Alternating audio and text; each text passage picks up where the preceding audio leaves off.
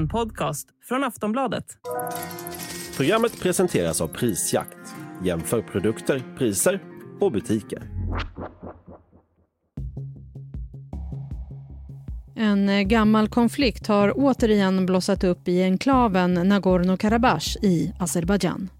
We start with breaking news. Armenia is accusing Azerbaijan of ethnic cleansing after it launched a military operation in the disputed territory of Nagorno Karabakh, which is partly controlled by Armenian backed forces. The territory has an Armenian majority and functions as a de facto part of Armenia, but is internationally recognized as part of Azerbaijan.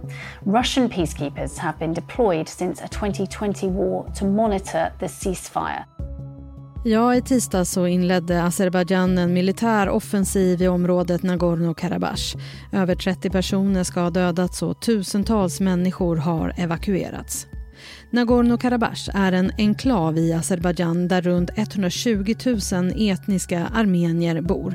Sedan 1991 så är det en självutnämnd republik även om inget annat land har erkänt den. Det har under många år varit oroligt här och krig har blossat upp vid flera tillfällen, senast 2020.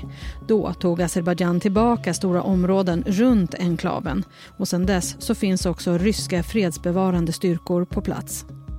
Flera världsledare har uppmanat de båda sidorna att lägga ner sina vapen, så även Ryssland.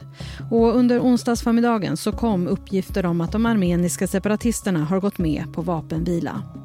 Vad är det som händer i Nagorno-Karabach? Varför blossar konflikten upp om och om igen? Och kan de olika parterna någonsin komma överens? Det här pratar vi om i det här avsnittet av Aftonbladet Daily. Jag heter Jenny Ågren. Och jag har med mig Rasmus Kahnbäck, reporter på Blankspot. Han får börja med att berätta vad det är som har hänt. De första signalerna jag fick var från mina journalistkollegor på plats i Nagorno-Karabach som skickade videor till mig där man kunde se artillerield avfyras mot den stora staden Stepanakert, alltså huvudstaden inne i Nagorno-Karabach. Och eh, det azerbajdzjanska försvarsministeriet gick ganska snabbt ut med ett uttalande pressmeddelande där de sa att eh, de har inlett en specialoperation eh, för att eh, motverka antiterrorrörelser lokalt i Nagorno-Karabach och på sikt då återställa den azerbajdzjanska konstitutionen snart därefter gick azerbajdzjanska utrikesministeriet ut med sina krav och man ställde två stycken krav. Det ena kravet var att regeringen i Nagorno-Karabach som drivs av armenier ska upplösas och det andra kravet var att armén ska eh, lägga ner vapnen. Det är en situation som är väldigt trängd, framförallt för civilbefolkningen. Kan du berätta vilka det är som är inblandade i den här konflikten? Ja, det är en eh, ganska stor geopolitiskt intressant konflikt i och med det är så himla många olika parter som är inblandade. Så, att, eh, så att om vi bara börjar i änden när Kaukasien ligger, brukar jag säga att det är Turkiet, Europa, Ryssland och Mellanöstern samt Asien möts. Så det är verkligen en smältpunkt för alla de här stora geopolitiska makterna runt omkring. Men på plats på marken så har vi armenier i Nagorno-Karabach. Och detta är inte den armeniska regeringen utan detta är armenier som är sedan 1990-talet självstyrande från Azerbajdzjan. Azerbajdzjan å sin sida är en auktoritär stat med nära samröre med, eh, med Turkiet. Hela den här regionen tillhörde Eh, Sovjetunionen en gång i tiden. Och armenierna i Nagorno-Karabach de vill inte tillhöra Azerbajdzjan. Ehm, och den armeniska armén, eller armeniska regeringen på sin sida i Armenien har formellt inte så mycket med den här konflikten att göra, även om de haft det eh, historiskt.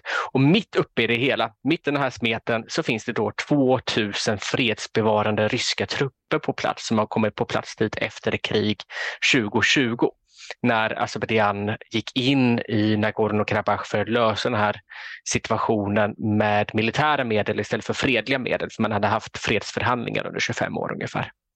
Och Varför händer det här just nu då? Det här föregås av en eh, nio månader lång blockad, men det jag brukar säga är att det här kriget 2020, det förändrade spelplanen helt och hållet mellan de här länderna. Fram till dess var armenierna i Nagorno-Karabach så gott som självstyrande, men sedan efter 2020 så blev det en armenisk befolkad enklav innanför Azerbajdzjans territoriella gränser, vilket gjorde att det uppstod en humanitär korridor mellan Nagorno-Karabach och eh, Armenien. Och eh, formellt så är det Eh, ryska fredsbevarande trupper som då ska bevaka den här vägen mellan Armenien och Nagorno-Karabach. Men sedan nio månader tillbaka så har alltså Azerbajdzjan blockerat den här vägen i brott mot internationella domstolen Hags order som kom i eh, februari om att öppna den. Så att Anledningen till det händer just nu är att den här blockaden har pågått i nio månader. Det har varken kommit in mat, mediciner, bränsle inte några förnödenheter överhuvudtaget under flera månader till Nagorno-Karabach. Och eh, Azerbajdzjan har de senaste veckorna haft en stor militär, upp, ehm, eh, militär uppbyggnad längs Nagorno-Karabachs östra gräns. Så att, eh, det, är svår, det är alltid svårt när det kommer till sådana här konflikter att sätta fingret på okay, men varför händer det just det här datumet. Men det är så många saker som klaffar ihop här samtidigt som gör att det händer just nu och Azerbajdzjan vill lösa den här konflikten genom att tvinga armenierna i Nagorno-Karabach till underkastelse. Man förstår ju också av det du berättar att det här drabbar ju civilbefolkningen eh, väldigt mycket. Hur, vad är det som händer med dem? Nej, men civilbefolkningen har redan varit ganska hårt utsatt och ansatt av Azerbajdzjan på grund av den här blockaden. Jag åkte till Armenien förra veckan, eller jag var i Armenien förra veckan och åkte för att kolla på den här blockaden. Man kan ju absolut inte komma in i Nagorno-Karabach utan det närmaste jag kunde komma var ett par hundra meter och kunde stå och titta på den. Och eh, så civilbefolkningen har varnat nu under flera veckor om att det håller på att bli en svältkatastrof inne i, eh, inne i regionen. Och internationella folkmordsforskare har kallat detta för pågående folkmord. Deras analys bygger på att man, man kan se olika steg som Azerbajdzjan har tagit fram till detta. Bland annat handlar det om att eh, man har haft en, eh, en avhumaniserande retorik under väldigt lång tid i Azerbajdzjan och eh, man, man har också sett hur Azerbajdzjan inte vill diskutera armeniernas rättigheter in, inne i landet. Vi ska snart prata mer med Rasmus om omvärldens reaktioner på det som har hänt. Vi tar en kort paus.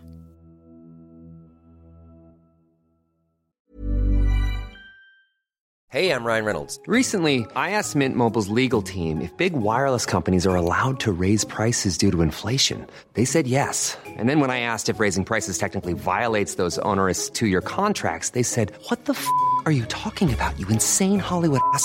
So to recap, we're cutting the price of Mint Unlimited from $30 a month to just $15 a month. Give it a try at mintmobile.com slash switch. $45 up front for three months plus taxes and fees. Promoting for new customers for limited time. Unlimited more than 40 gigabytes per month. Slows. Full terms at mintmobile.com.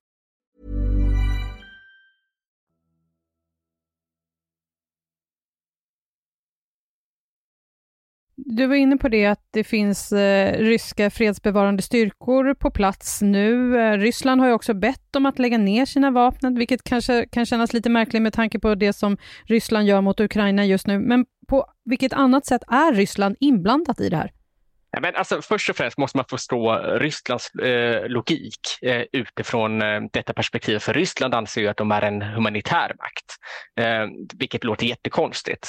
Men även i, även i Kaukasien tycker ju Ryssland att, att de är den makten som säkerställer ordningen mellan länderna. Så att när Ryssland går in och säger att men nu, ska ni, nu ska parterna lägga, in, lägga ner vapen så gör de, gör de det utifrån sin egen logik med det sagt så innebär det inte att Ryssland på något sätt eh, är en humanitär makt i regionen utan tvärtom så har Ryssland också varit skyldiga till, till viss del varit skyldiga till att detta sker. Så att Armenien å sin sida är en historisk allierad till Ryssland. Man har förlitat sig på Rysslands säkerhetspakt, den, här, den kollektiva säkerhetspakten, det är Rysslands svar på Nato, där Armenien är en del av. Och Armenien anser att efter kriget 2020 framförallt efter att eh, Azerbajdzjan faktiskt anföll Armenien, inte Nagorno-Karabach, utan Armenien 2022, att Ryssland inte har fullföljt de överenskommelser man gjorde med den här kollektiva säkerhetspakten. Så att efter detta har det blivit en, eh, en en diplomatisk kris som går ganska djupt ner i Armenien som har accelererat de senaste veckorna samtidigt som Azerbajdzjan då haft sin militäruppbyggnad. Så att här har Ryssland indirekt tillåtit att Azerbajdzjan faktiskt ska kunna få flytta fram sina positioner och eskalera den här offensiven. Så det är på den armeniska sidan. På den azerbajdzjanska sidan eh, har man haft en, sedan kriget i Ukraina började, ja men man har stöttat Ukraina från Azerbajdzjan rent formellt, men informellt har man varit den alternativa rutten för den ryska gasen att kunna komma in i Europa. Så det första som hände efter Rysslands invasion av Ukraina, det var att EU-kommissionen skickade en delegation till Azerbajdzjan för att teckna nya gasavtal. Detta hade Ryssland redan förutsett så att man hade redan investerat i gasen i Azerbajdzjan och äger 20 procent av gasproduktionen och ungefär mellan 12 och 15 procent av all gas som går nu via Azerbajdzjan in, eh, från Ryssland via Azerbajdzjan till, till Europa är då rysk. Um, så det är de eh, styrkeförhållanden vi har för tillfället och eh, med den här bristande relationen mellan Armenien och Ryssland och den allt starkare relationen mellan Azerbajdzjan och Ryssland så kan vi se att detta hänger ihop. Rasmus, eh, strax innan vi började den här intervjun så kom ju också beskedet eh, att de armeniska eh, separatisterna lägger ner sina vapen. Vad tror man nu att det här kan innebära? Ja, först och främst är jag personligen ganska försiktig med att kalla dem för separatister.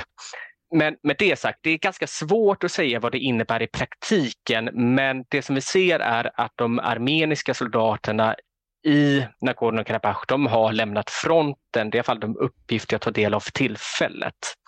Och då blir de ryska fredsbevarande trupperna, alltså de här 2000 personerna som jag pratade om tidigare, de enligt det avtalet om eldupphör som tecknades nu för en timme sedan un ungefär, då är de tänkta att ersätta de här armenierna eh, som har haft eh, den armeniska armén eller den Nagorno-Karabachs armé och så att Ryssland flyttar fram sina positioner som, och blir den nya säkerhetsgaranten. Med det sagt vet vi inte om detta kommer ske för det har inte skett hittills.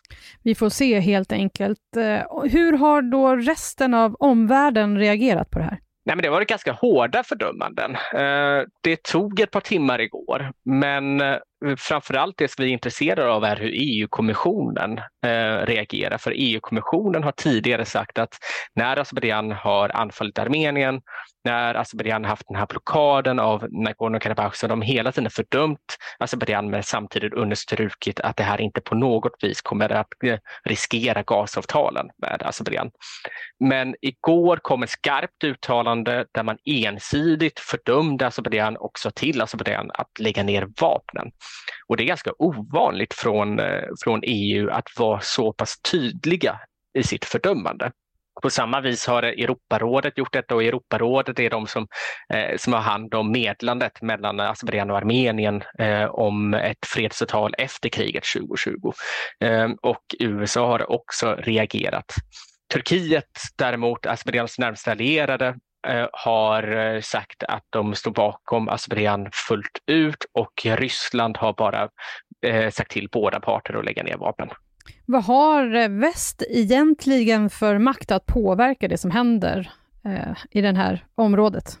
Nej, men det finns en... Så att väst har den största diplomatiska makten, utif inte utifrån en säkerhetsgaranti, men utifrån en diplomatisk makt.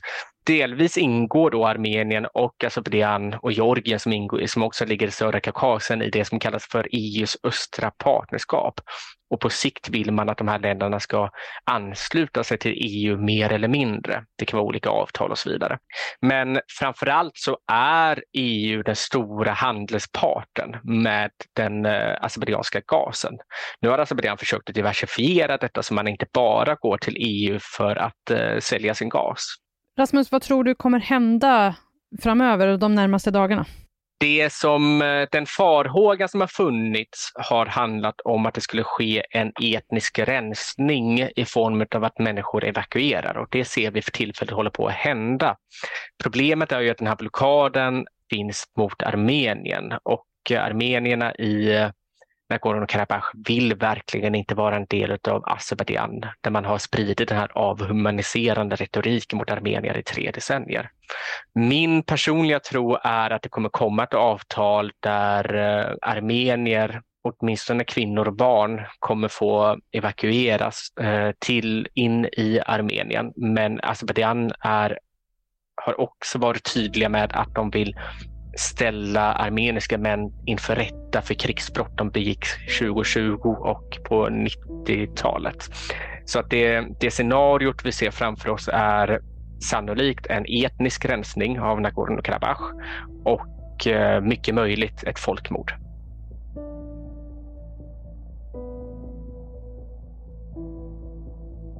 Sist här Rasmus Kahnbäck, reporter på Blankspot. Jag heter Jenny Ågren och du har lyssnat på Aftonbladet Daily. Den här intervjun är inspelad runt lunch onsdagen den 20 september. Så för det allra senaste kring det här, gå in på aftonbladet.se. Vi hörs snart igen. Hej då.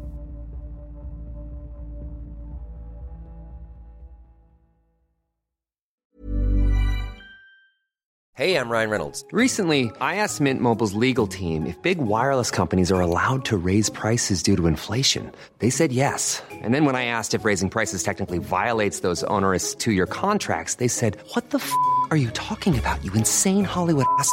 So to recap, we're cutting the price of Mint Unlimited from $30 a month to just $15 a month. Give it a try at mintmobile.com slash switch. $45 upfront for three months plus taxes and fees. Promo rate for new customers for limited time. Unlimited more than 40 gigabytes per month. Slows. Full terms at mintmobile.com.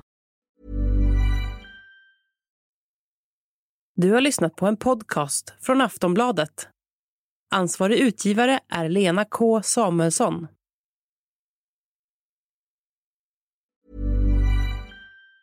Tired of ads barging into your favorite news podcasts? Good news. Ad-free listening is available on Amazon Music. For all the music plus top podcasts included with your Prime membership. Stay up to date on everything newsworthy by downloading the Amazon Music app for free or go to amazon.com slash news ad free. That's amazon.com slash news ad free to catch up on the latest episodes without the ads.